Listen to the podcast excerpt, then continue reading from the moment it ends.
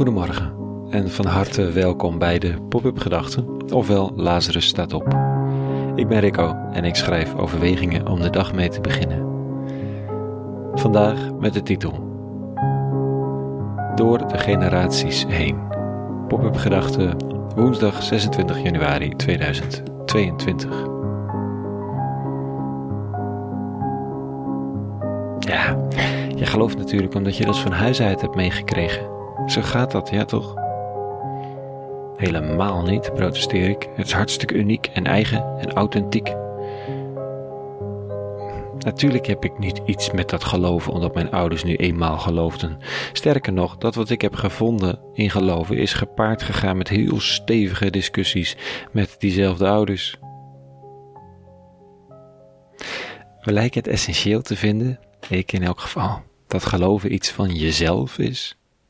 Dat je eigen overtuigingen je eigen overtuigingen zijn en niet overgedragen wereldbeelden die nu eenmaal zo zijn omdat je ouders er ook zo over dachten.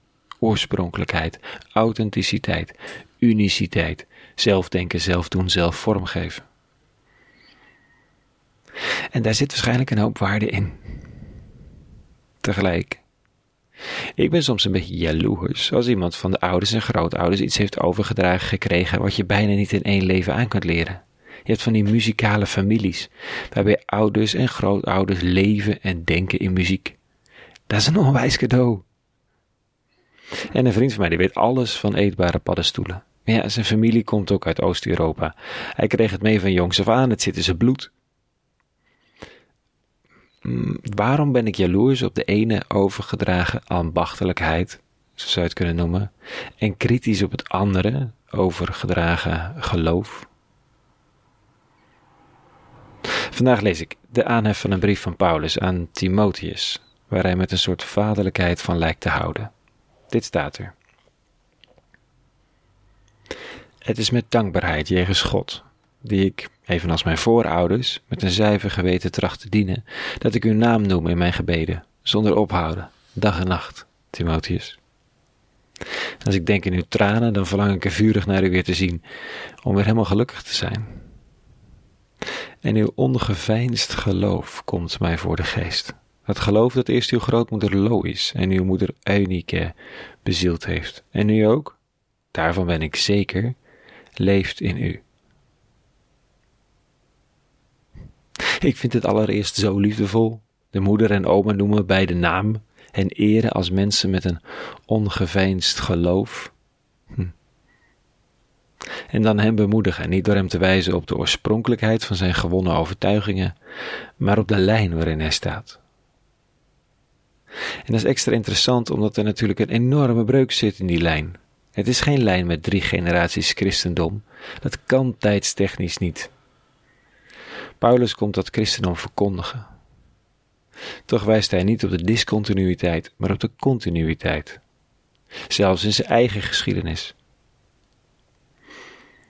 Paulus was toch de man van die radicale bekering, van het beroemde schilderij waarin hij van zijn paard valt en het licht ziet.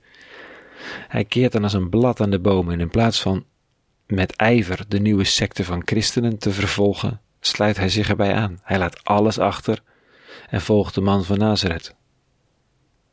En wijst hij hierop? Het verlangen met een zuiver geweten de eeuwige te dienen, net als zijn voorouders. Er bestaat geen discontinuïteit zonder continuïteit. In elk geval als het gaat om de generaties. Het voelt als puber of jongvolwassene dat je een nieuwe wereld veroverd hebt op je ouders of familie. Een soms zwaar bevochten overwinning. Jaren later blijken soms je ouders eenzelfde soort gevecht te hebben moeten leveren om zelf te staan waar ze nu staan. En dan herken je je patronen, hoor je jezelf, papa of mama, ik lijk steeds meer op jou, mompelen en schrik je er een beetje van. Totdat je het langzaam en voor een klein stukje leert omarmen. Dan kom je, kom ik, nog meer thuis bij mezelf authenticiteit en dankbaarheid. In lijn met de generaties en echt en oorspronkelijk. Dat bijt elkaar helemaal niet.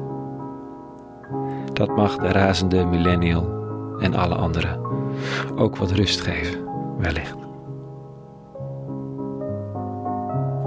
Tot zover vanochtend. Een hele goede woensdag gewenst. En vrede. En alle goeds.